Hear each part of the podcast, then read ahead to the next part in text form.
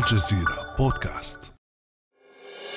من مبلغ المنصور عن بغداد خبرا تفيض لمثله العبرات لا دجلة يا للرزية دجلة بعد الرشيد ولا الفرات فرات. هذا ما قاله شاعر بغداد معروف الرصافي شاكيا حال الرافدين قبل نحو مئة عام. فما بالك بحالهما اليوم؟ ليس مجرد نهرين بل أهم شاهدين على الحضارة الإنسانية.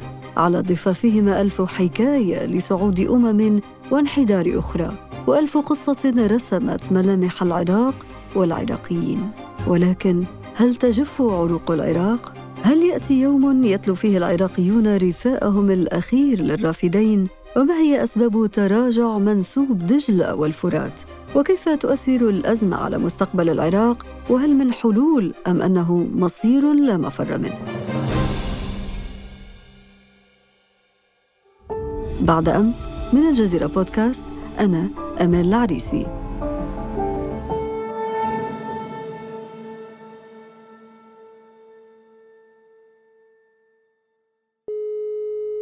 في هذه الحلقة أسعد باستضافة الأستاذ عمر المشهداني الكاتب والمحلل السياسي العراقي والأستاذ علي الكرخي رئيس جمعية حماة دجلة. أهلا وسهلا بكما. أهلا مساء الخير. أهلا ومرحبا. حياكم الله. بداية ضيفي الكريمين لنستمع إلى خطوات أقدام عراقي يسير على أرض قاحلة حفر الجفاف فيها شقوقا غائرة كانت حتى وقت قريب مغمورة بمياه نهر دجلة.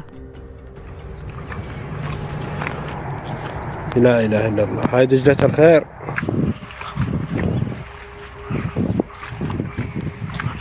ضاع ضاع شوف الأرض. ضاع نهر دجلة ومصير مشابه يعيشه الفرات. أستاذ علي الكرخي لنبدأ معك. ضعنا بداية في صورة الأزمة ومدى خطورتها. ماذا يحدث لدجلة والفرات في العراق؟ نعم خلي شوية أمر عبر سرد تاريخي مختصر دون الإسهاب. ما يحدث لنهر دجلة أساسا يبدي من حقيقة أن ينبع من خارج حدود العراق وبالتالي قدرتنا على التحكم بإمداداته مو بنسبة كبيرة بإيدنا أو هذا القرار نمتلكه بقدر ما تمتلكه دول المنبع اللي هي بهاي الحالة تركيا وإيران لأنه دجلة ينبع من تركيا و تغذيه خمس روافد رئيسية بالإضافة إلى أنهر فرعية وموسمية من إيران. قصة بدأت مو جديدة. من خمسينات القرن الماضي كانت أكو أفكار لاستثمار موارد نهر دجلة من قبل هاي الدولتين اللي ذكرتهن عبر إقامة سدود ونواظم تفيدهم باستهلاك مواردات هذا النهر. الفكرة بدأت من ذاك الحين لكن التطبيق أخذ وقت طويل وصولا إلى التسعينات لما العراق كان منشغل بالحصار والأزمة الاقتصادية بدأ بالفعل افتتاح أول وأخطر وأكبر سد مو على نهر دجلة ولكن على نهر الفرات ضمن منظومة كاملة هي منظومة سدود جنوب شرق الأناضول بتركيا. كان هذا السد سد أتاتورك بعام 95 تم افتتاحه. بناء كان بفترة انشغال العراق بحرب إيران. وسد أتاتورك ساهم بتقليص واردات نهر الفرات إلى نسبة 50% أقل. لاحقا بدأت المخططات للمضي قدما بباقي النواظم والسدود وصولا إلى الإطلاق الرسمي بعام 2006 لمشروع سد أليسو اللي بدأ العمل بذاك الحين به وجمعوا التمويل اللي كانوا يحتاجوه وبدأ التنفيذ بمعية شركات دولية وأوروبية. كذلك إيران افتتحت عديد من السدود أبرزها سد داريان هذا ما رصدناه بتلك الفترة طبعا أنا أتحدث لأن لاحقا تطورت الرصودات والمدافعة مع تصاعد وتزايد وتيرة الضغط ضغط السدود على الأنهار. عموما الملخص الحالة أنه الآن إحنا نستلم والعراق يستفيد من ما يقل عن 40% من الواردات الحقيقية الأصلية اللي كانت تصل إلى العراق سابقا من نهر دجلة.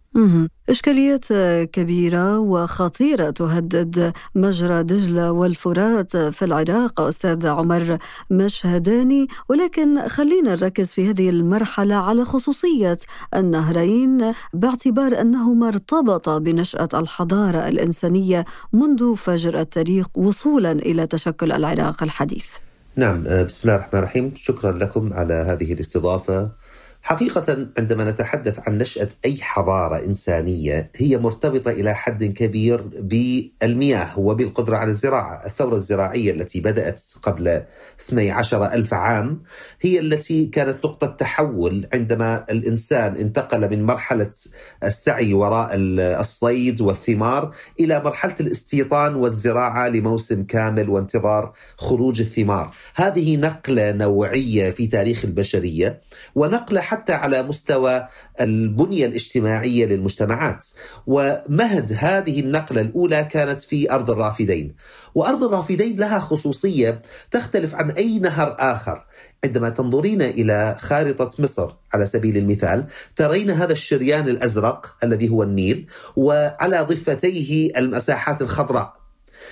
المنطقة الأكثر خصوبة في مصر هي شمال مصر عند مرحلة الدلتا عندما ينقسم هذا الشريان إلى خطين متباعدين ما بينهما تكون الخصوبة هي في أوجها تخيلي أن العراق بأكمله منطقة الرافدين بأكملها هي منطقة محصورة ما بين نهرين هي مثل الدلتا في مصر فهي سهل رسوبي أرض مستوية فحجم الخيرات وحجم الخصوبة في هذه الأراضي حجم واسع جدا. طبعا تكونت على أساسها الدولة العراقية برمتها أو الحضارة الإنسانية بعد ذلك برمتها منطلقا من هذه النقطة بالذات. لكن أستاذ عمر منذ قيام العراق العراق الحديث وهو يعيش على وقع أزمات مع دول الجوار كما أشار الأستاذ علي الكرخي كيف ارتبط نهر دجلة والفرات وروافدهما بتلك الأزمات؟ هناك عدة إشكالات وحساسيات حصلت ما بين هذه الدول الثلاث العراق وسوريا وتركيا وإيران عفوا الأربعة وجرت عدة جلسات بما فيها اتفاقية عقدت عام 87 بين العراق وسوريا وتركيا آه، تحدثت حول حصص مائية صريحة. نحن نتكلم سنة 87 في أوج الحرب العراقية الإيرانية. ومع ذلك تم الاتفاق على حصص مائية تصل إلى سوريا حوالي 500 متر مكعب بالثانية. و هذا الرقم تراجع إلى 200 متر مكعب في الثانية الآن، يعني تراجع كما قال الأستاذ علي يعني إلى 40% تقريبا مما كانت عليه. ولكن الجزء الأكبر هو جزء سياسي. العراق لم يشهد حالة استقرار إما حرب في مرحلة الثمانينات أو عقوبات اقتصادية وحصار في مرحلة التسعينات، لعل آخر سد قام ببنائه العراق هو منذ أكثر من 20 25 أو ربما 30 سنة، ربما حتى في أواخر الثمانينات عندما بني آخر سد، فهذا ولد أزمات، طبعا بالمقابل أيضا مع إيران. تم تحويل تحويل مجرى بعض الأنهار الروافد الإيرانية في جنوب العراق، هذه إشكاليات تحتاج إلى تدخل دولي، تحتاج إلى وساطة دولية وطاولات تفاوض. إذا سدود دول الجوار أثرت وبشدة على جريان نهري دجلة والفرات نحو العراق. لنستمع في هذا السياق إلى ما قاله وزير الموارد المائية العراقية السابق حسن الجنابي. إثر إعلان تركيا بدء ملء بحيرة سد إليسو الجديد عام 2018 دخل حيز الإملاء سد أليسو وهو أكبر السدود التركية دخل حيز الإملاء يوم 1 حزيران وبدأ آه، هذا الوضع يعني أضاف عامل معين إضافي مقلق بالنسبة لنا إلى إدارتنا لنهر دجلة وحوض دجلة والروافد. أستاذ علي الكرخي الوزير السابق العراقي تحدث في ذلك الوقت عن قلق شديد جرأ هذه الخطوة التركية لكنه أشار إلى وجود عدة عوامل أخرى تؤدي إلى انحسار تدفق المياه إلى العراق فما هي تلك العوامل؟ في هالحالة بالتأكيد السيد الوزير يتحدث عن العوامل الطبيعية المتعلقة بشحة مياه طبيعية نتيجة قلة الأمطار والثلوج بالمناطق الشمالية وجنوب شرق تركيا. وكذلك العوامل الإدارية والتنظيمية اللي بالتحديد الإشارة إلها تقع ضمن خانة إدارة الموارد المائية وتنظيم استهلاك والاستثمار الموارد المائية. نحن نلوث الأنهار إحنا نسرف باستهلاكها المجاري والصرف الصحي كلها تصب بالأنهار وبشكل مباشر دون معالجة، بعض القطاعات الزراعية والصناعية يستهلكون من واردات النهر بشكل مباشر دون المرور عبر التراخيص والأذونات الرسمية، المزارعين يضعون مضخات ويسحبون من الأنهر بشكل مباشر، فهاي هي العوامل الثانوية اللي كان يتحدث عنها السيد الوزير بمتابعتنا. طبعا ما أقصد بالتأكيد هذا هو ما كان يقصده لكن مما نعلم على أرض الواقع هاي هي الإشارات. خصوصا أنه هاي السلوكيات اللي دا أحكي عنها المجاري اللي تذهب إلى النهر التلوثات اللي زادت الاستهلاك المسرف السرقات أو التجاوزات وكل هاي السلوكيات ظهرت بفترة الفوضى والحرب الطائفية بعد 2003 صار أكو حافز ودافع أنه تنمو وتتنامى وتتزايد لأنه لاكو ضابط لاكو رادع لاكو قانون لاكو نظام فأي أحد يقدر يحب يسوي أي شيء يقدر بإمكانه. الآن إحنا في الوزارة الحالية أو أكبر وأهم ملف من متابعتنا ناضل من أجل الوزارة الحالية هو إنهاء ملف التجاوزات والسرقات لأنه مع حقيقة شحة المياه وعدم قدوم آه، واردات من آه، المنبع هسه على الأقل الواردات اللي تجي إحنا يجب استثمارها بشكل صحيح. لا ان تذهب إلى يد متنفعين بشكل فردي يقطعون المي ويستفيدون منه لذاتهم ويقطعوا عن الملايين من السكان وخصوصا يصل النهر إلى مراحل الجنوب. نحكي عن ميسان والبصرة وحتى الكوت. النهر جاف تماما يعني فقط ما يصب به من الصرف الصحي والمجاري. يعني بمعنى ماء ملوث ماء فريش ماء صالح للاستهلاك ماكو إلى حد ما في خصوصا مواسم الصيف والجفاف. أستاذ عمر المشهداني أستاذ علي تحدث عن أنه ماكو مياه. المياه تصل تماما ملوثة إلى بقية مناطق العراق. هل برأيك أن الصراعات الإقليمية إضافة إلى التجاوزات الداخلية في داخل العراق ومختلف مناطقه جاءت على حساب ارتباط مكونات البلاد بدجلة والفرات كعنوان لوحدة الهوية العراقية. أستاذ عمر؟ قطعا بلا شك عندما تقل النزعة الوطنية أو تقل الاعتداد بالهوية العراقية تميل الفئات والمجموعات إلى التقوقع على مجتمعات صغيرة أو دوائر صغيرة، أن أقول نفسي نفسي ومن وراي الطوفان. هذه قاعدة عامة في السلوك البشري، تفاقمت بسبب ضعف سلطة القانون أو هيبة الدولة أو حتى الترابط النسيج الاجتماعي الوطني أدى إلى حد كبير.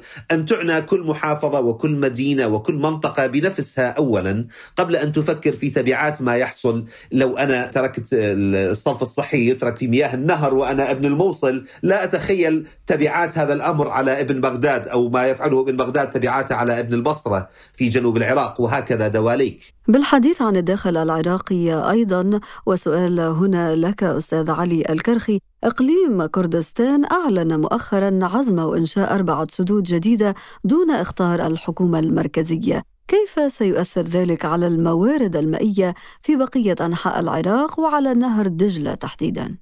الإعلان هذا هو افتتاحية لمشروع كبير تخطط منطقة إقليم كردستان العراق إلى إطلاقها يتضمن هاي السدود الأربعة الرئيسية وبالإضافة لعدد آخر من النواظم والقنوات قنوات التصريف لاستثمار ما يصل إلى الإقليم من مياه بشكل أمثل، إحنا نشوف أنه كل سد يتم بناءه على مجرى النهر راح يقتل ما تبقى من الواردات ويحرم الجنوب من المياه بشكل أكبر وأكثر.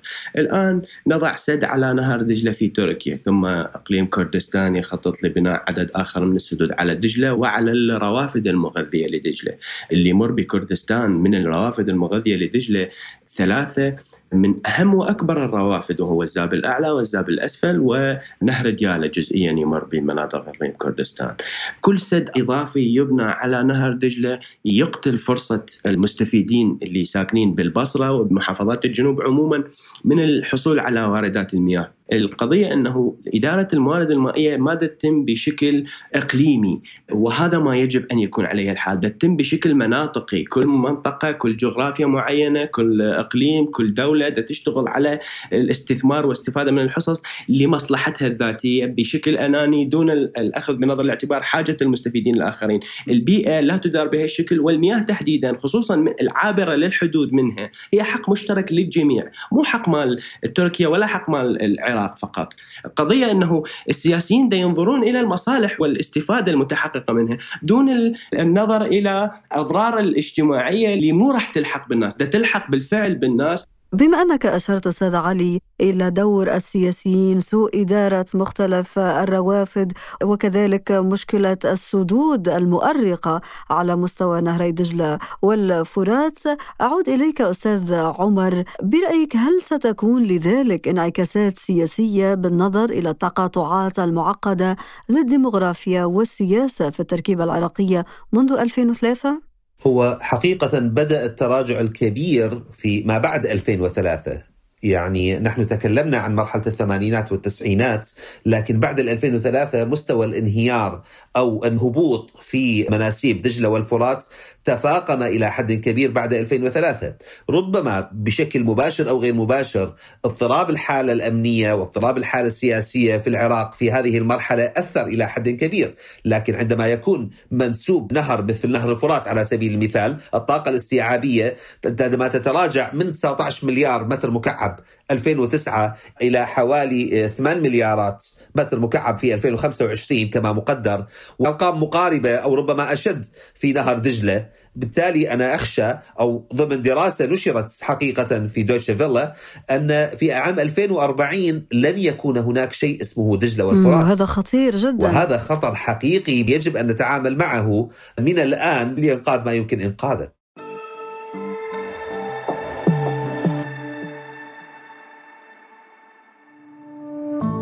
ابقى على تواصل مستمر مع الجزيرة بودكاست ولا تنسى تفعيل زر الاشتراك الموجود على تطبيقك لتصلك الحلقة يومياً.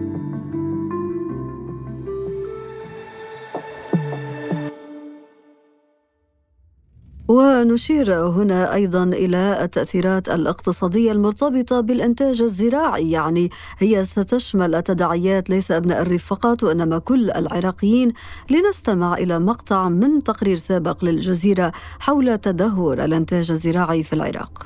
بكثير من الألم والحسرة يقف عمر وسط مزرعته بضواحي بغداد التي تحولت إلى ما يشبه الأرض القاحلة بعد أن كانت ثمارها تملأ المكان. فانخفاض مستوى المياه في نهري دجلة والفرات بشكل كبير وعدم وجود بدائل تسبب بخسارته وآلاف من أمثاله لمصدر رزقهم الوحيد. كنا نزرع 50 دونم 51 دونم 60 دونم؟ هسه ما نقدر نزرع ثلاث دوانم ما نقدر نزرع. هذا اللي عندنا من وراء الماء يعني المي نسقي من البزول مي بيار بيار ما ما سوى نتيجة للزرع.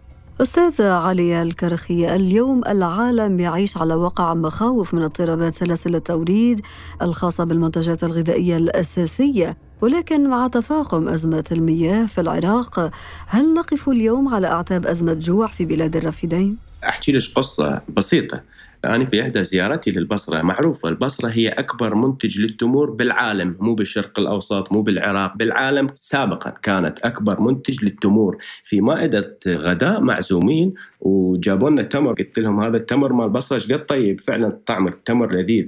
قالوا لي هذا مو تمر مال البصرة إحنا ما عندنا تمر بعد. قلت لهم شنو معنى تمر؟ إحنا بالبصرة يعني إحنا ليش إحنا وين؟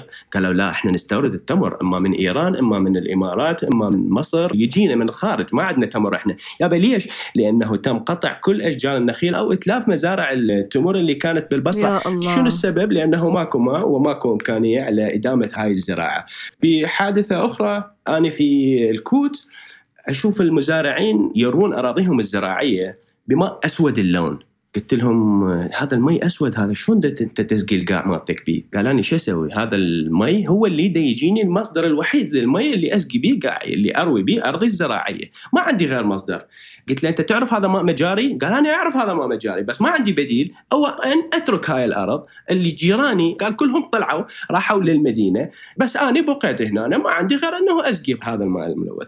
طبعا هذا بعد سنتين ثلاثة نتيجة السقي مال الأرض بهذا الماء الملوث طبعا راح تتلف الأرض تتملح وتتلف وما تعد قابلة لحتى أنه بهذا الماء الملوث تسقى. فبالتالي أيضا هو مجبر أن يهملها. أنا أحكي نماذج وقصص بسيطة توضح لنا أو ترسم لنا خارطة وشكل الواقع. وشلون تجي الاحداث هذول المزارعين والفلاحين الناس اللي ابا عن جد ورثوا هاي المهنة وكانوا منتجين والعراق كان ما أقول تاريخيا عرف ببلد السواد نتيجة وفرة الزراعة وكثرتها به بس على الأقل خلال ال سنة اللي مضت إحنا كنا غزيري الإنتاج. هذول كلهم اليوم شنو صار حالهم راحوا يتظاهرون أمام الوزارة الفلانية وزارة الصناعة وزارة الأشغال ما أعرف إيش حتى شنو حتى يحصل فرصة عمل لأنه هو فقط فرصة العمل الطبيعية اللي كانت مفيدة له ولعائلته على المستوى الشخصي وكانت مفيدة للبلد على مستوى الإنتاج الزراعي. ما قلته أستاذ علي هو حقيقة كارثي خطير يهدد التربة يهدد مستقبل عمل مختلف الفئات التي كانت تنشط في الزراعة في العراق في مختلف المناطق. أستاذ عمر أنت منذ قليل تحدثت عن دراسة تقول أنه ربما لن يكون هناك في المستقبل نهرين اسمهما دجلة والفرات فهل هناك أرقام رسمية أو تقديرات يمكن الاعتماد عليها في تحديد السيناريو الأسوأ لمستقبل النهرين؟ الحقيقة هذه الدراسة هي نشرها موقع دويتشه فيلا الألماني وأشارت إلى مستقبل الحالة المائية في الشرق الأوسط وتحدثت عن تراجع الطاقة الاستيعابية لنهري دجلة والفرات. يعني عندما تحدث عن نهر دجلة الذي كان إلى حد 2009 يعني قبل 12 أو 13 عاما فقط كانت الطاقة الاستيعابية له 49 مليار متر مكعب. من المتوقع أن تكون في عام 2025 تعود إلى 9 مليارات. من 49 إلى 9 نحن نتحدث عن أقل من ربع ما كان عليه. وهذه خلال فترة لا تزيد عن 15-20 سنة. يعني نحن نتكلم عن عقود طويلة. فبالتالي وفق هذا التسلسل ووفق ما أشارت إليه الدراسة أنه في عام 2040 سيختفي دجلة والفرات كلياً. طيب ماذا عن الجهات الرسمية؟ ماذا تقول؟ الجهات الرسمية حقيقة كما أشار دكتور علي أن هناك جهود متواضعة في هذا الإطار لكن ليس هناك استراتيجية واضحة طويلة الأمد يتعاقب عليها الوزارات في تنفيذها وتهتم بها الدولة على اعتبار أن هذا ملف ملف أمن قومي قبل حوالي ستة أشهر قدمت رئاسة الجمهورية العراقية مشروع يخص انعاش أو مواجهة التغير المناخي في العراق ردا على تقرير الأمم المتحدة، تقرير الأمم المتحدة حول البيئة يشير إلى أن العراق بالمرتبة الخامسة من حيث أكثر البلدان هشاشة في موضوع نقص المياه والغذاء. هذه أرقام خطيرة للأسف لا يتناولها الإعلام العراقي ولا يتعامل معها بذات الجدية التي تستحقها. فبالتالي هذه الجهات الرسمية هي التي يعني نلجأ إليها. قدم المشروع رئاسة الجمهورية قدم بعض الأفكار والمقترحات ومشاريع سبعة أو ثمانية مشاريع من ضمنها التشجير ومن ضمنها إعادة اعتماد أساليب حديثة في الري بالتنقيط ومعالجة مياه الصرف الصحي. لكن هذه المشاريع تحتاج إلى وقت. تحتاج إلى جدية حقيقية من الحكومة، تحتاج إلى استثمارات وتخصيصات وقبل كل ذلك تحتاج إلى من أمثال الاستاذ علي ومن أمثال منظمات أخرى تعزز حالة اليقين أو حالة استشعار الخطر الذي نحن فيه. عندما تقف عند أي عراقي الآن قد لا يستشعر هذه المشكلة كما يستشعرها الفلاح. ونسبة الفلاحين تراجعت إلى حد كبير الآن نحن نتحدث في بلد خصب مثل العراق 25% فقط هم من يعيشون في الريف و75% بالمدن. بمعنى أن يوم بعد يوم يتناقص عدد الفلاحين وعدد من يعمل في مجال الزراعة. فالطبيعي طبعا هذه بسبب تلك وتلك بسبب هذه. يعني المسألة مترابطة إلى حد ما لكن هذا التراجع 54% من, أرض العراق مهددة الآن في موضوع الجفاف عندنا 39% تصحر. فبالتأكيد سينحاز الناس تلقائيا يوم بعد يوم إلى المدن وبالتالي سيقل إمكانية إصلاح الوضع الزراعي العراقي.